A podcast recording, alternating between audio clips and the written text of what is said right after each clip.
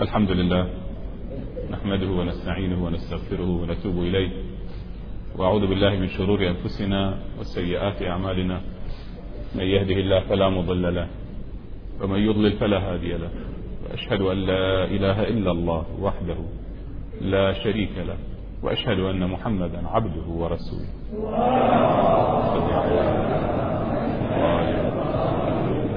اللهم صل على عبدك وخاتم رسلك. محمد بن عبد الله وعلى أمير المؤمنين علي بن أبي طالب وعلى الصديقة الطاهرة. اللهم صل على أئمة المسلمين الحسن والحسين وعلي بن الحسين ومحمد الباقر وجعفر الصادق وموسى الكاظم وعلي الرضا ومحمد الجواد وعلي الهادي والحسن العسكري. اللهم صل على ولي أمرك صاحب العصر والزمان وعجل في فرجه.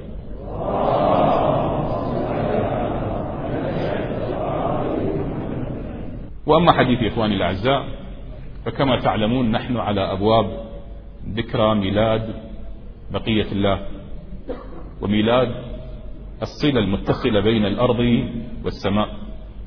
ميلاد الحجة بن الحسن عجل الله تعالى في فرجه الشريف.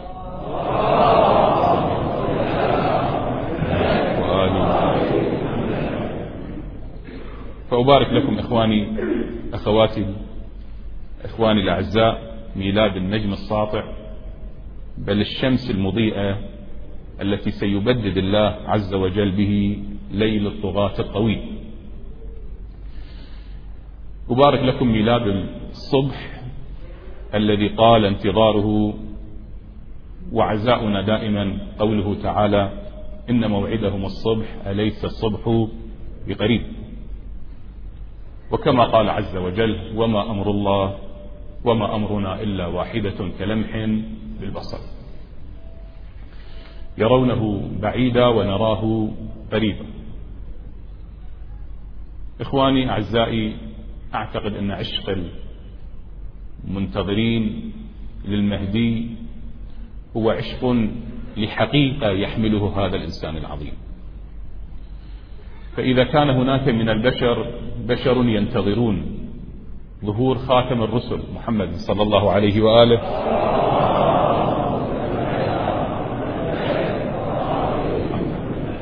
كشف هؤلاء المنتظرين هو ليس عشق شخص شخص خاتم الرسل.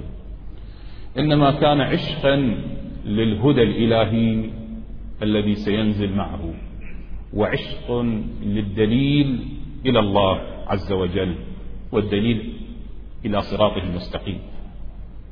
العشق لحقيقة ولأن الحقيقة اتحدت مع هذا الإنسان. أصبح محمد صلى الله عليه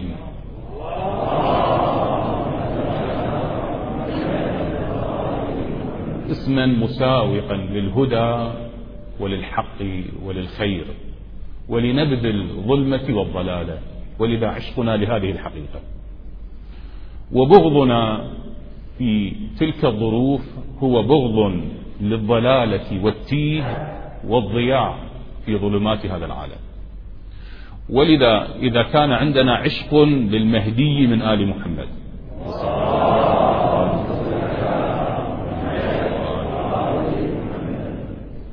فعشق المنتظرين هو عشق للعدل والقسط اللذان سيملآن العالم وبغض للجور والظلم اللذان ملأ العالم وما زال يملآن العالم. عشقنا لشخص اتحد بالعدل والقسط. وإذا كان انتظار العاشق لمحبوبته وللحظة اللقاء أعلى مظاهر الحب والإخلاص فانتظار عشاق الهداية يعبر عن أعلى مظاهر الحب والإخلاص للهدى والنور الذي أنزل على خاتم الرسل محمد صلى الله عليه وآله.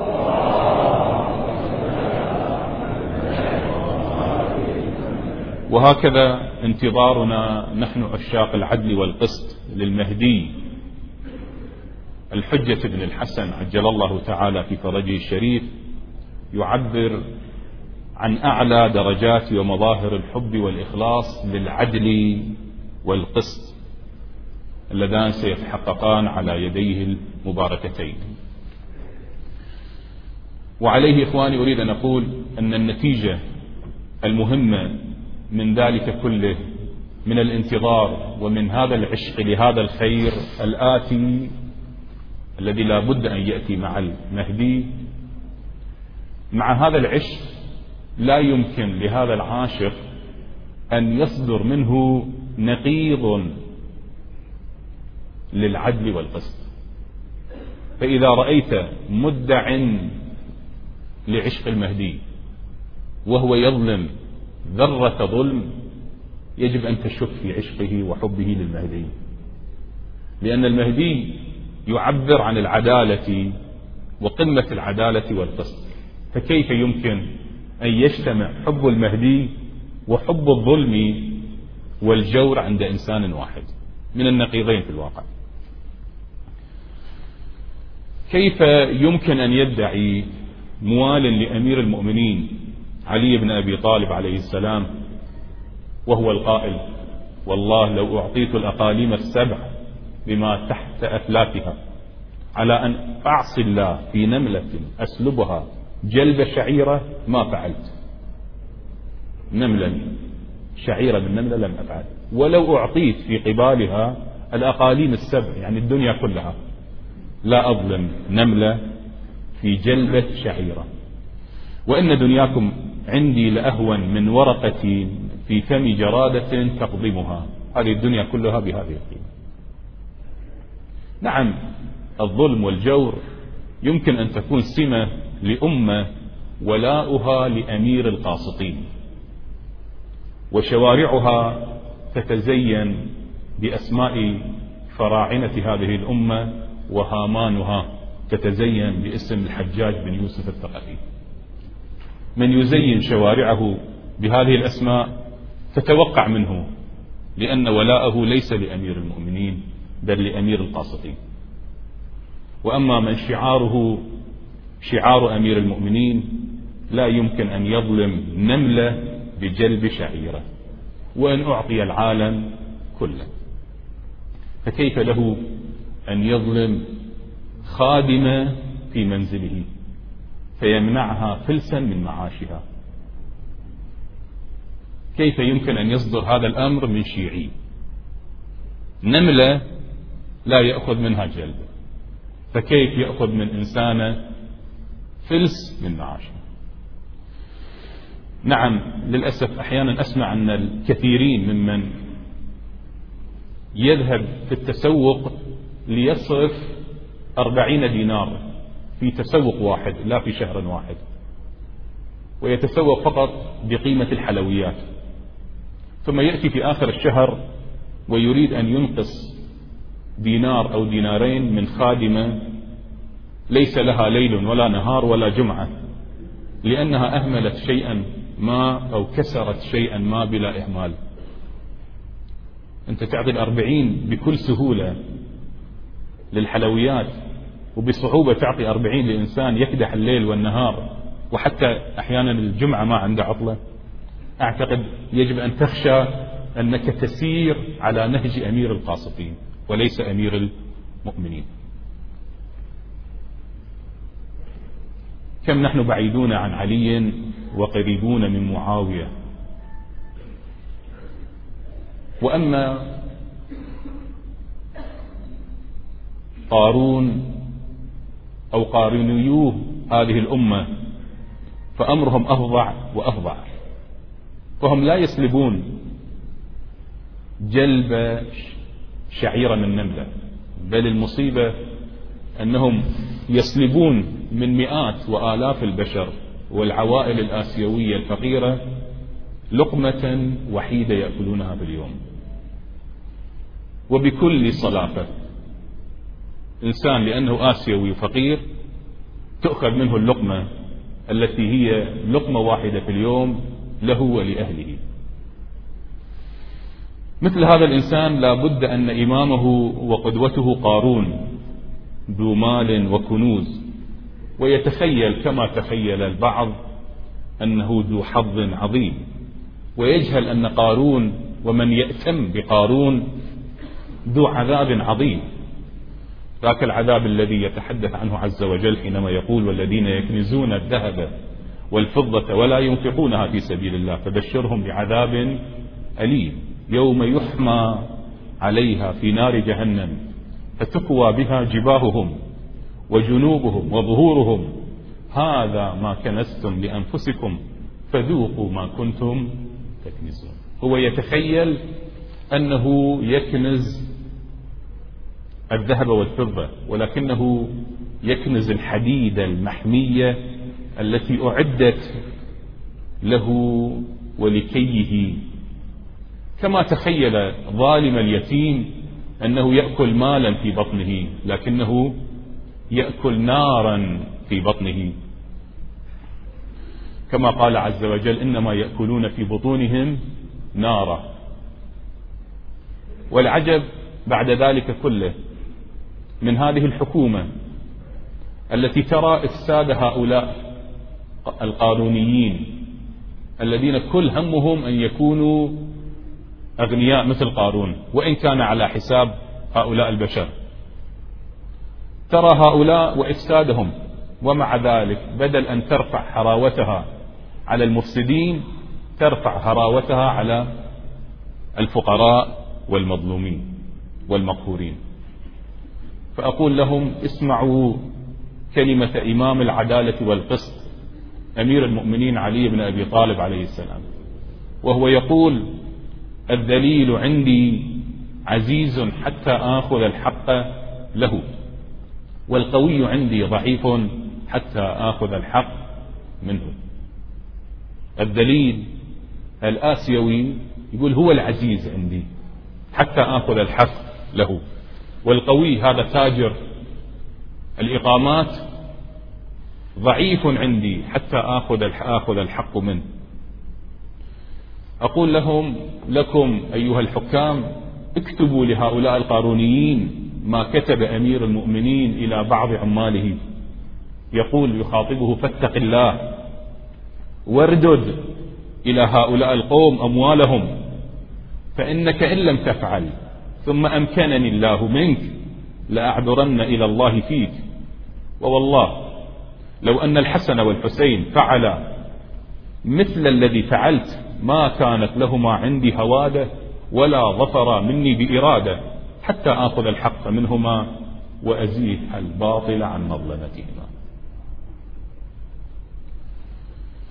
والله لا يمكن تشبيه أمثال هؤلاء الظلمة إلا بالسارق وأقبح السارق السارق الذي يسرق المال من يد فقير يستجدي الناس. ألا ترون قبحه؟ إنسان عند باب المسجد يستجدي. يجي إنسان يأخذ. يسرق الفلوس من إيده. قبح مثل هذا في الواقع هؤلاء بهذا القبح وأشد قبحا من ذلك. ما أقدر هذا الظلم وأقبحه كأمير المؤمنين عليه السلام يقول ظلم الضعيف أفحش الظلم. ظلم الضعيف أفحش الظلم. بل أعجل الظلم عقوبة من الله ظلم الضعيف. سئل أمير المؤمنين عليه السلام أي ذنب أعجل عقوبة لصاحبه؟ فقال من ظلم من لا ناصر له إلا الله. وجاور النقمة بالتقصير وجاور النعمة بالتقصير واستطال بالبغي على الفقير. هذا عقوبته تكون في الدنيا قبل الآخرة. كيف تريدون ألا يدمر الله هذا البلد؟ وقد حل بكم العذاب الأدنى بغزو صدام. ولم تعتبروا إلى الآن. ولا تخشون العذاب الأكبر. ولنذيقنهم من العذاب الأدنى دون العذاب الأكبر لعلهم يرجعون. ولا ترجعون. ولا تخشون العذاب الأكبر الذي لا رجوع معه. وأنتم تسمعون ولقد أهلكنا القرون من قبلكم لما ظلموا. ولقد أهلكنا القرون من قبلكم لما ظلموا. وقال تعالى فتلك بيوتهم خاوية بما ظلموا. وعودا إليكم أشاق المهدي وكما قلت ليس هو إلا عشقا لمن أصبح العدل والقسط هو. كما أصبح هو القسط والعدل. وأمير المؤمنين نعشقه لذلك لأن الحق مع علي وعلي مع الحق. والمهدي مع القسط والعدل والعدل مع القسط والعدل والقسط مع المهدي كل يوم, كل يوم تدعون بالفرج ونتألم لتأخره وحق لك ذلك أيها الشيعي. لأن الحديث عن ألم الأمة الذي هذا مثاله ما تحدث عن ظلم الضعفاء مثاله. وأما يجب أن تنظر إلى جانب مشرق أيها الموالي أيها العاشق فإنك مفرج عنك لمعرفتك بالإيمان. هناك من هو يعيش ظلمات الجهل بالإيمان. فأنت تعيش نعمة وأفضل من نعمة ولاية ومعرفة أئمة أهل البيت عليهم السلام. وأفضل من نعمة الانتظار وغيرك لا يعرف إمامه وميت ميتة جاهلية. نعم احزن لغيبته لكن افرح بمعرفته. روى الكافي عن أبي بصير قال قلت لأبي عبد الله عليه السلام جعلت فداك متى الفرج؟ متى الفرج وظهور الإمام؟ فقال يا أبا بصير وأنت ممن يريد الدنيا؟ أنت تحب الدنيا حتى تسأل عن الانتصارات الدنيوية. من عرف هذا الأمر فقد فرج عنه فقد فرج عنه لانتظاره من عرف أمر أهل البيت فقد فرج عنه لأنه منتظر. وفي رواية أخرى سأل أبو بصير الإمام الصادق فقال أتراني أدرك القائم يسأل الإمام الصادق. يعني عبر عن أمنية في قلبه. أتراني أدرك القائم فقال عليه السلام يا أبا بصير ألست تعرف إمامك؟ فقال إي والله وأنت هو. وتناول يده.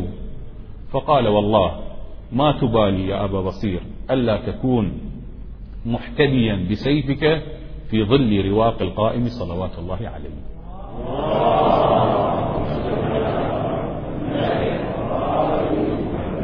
نعم. هناك قيمة كبيرة لمعرفتكم. لأنه حينما نقول تعرف رسول الله يعني تعرف الهدى.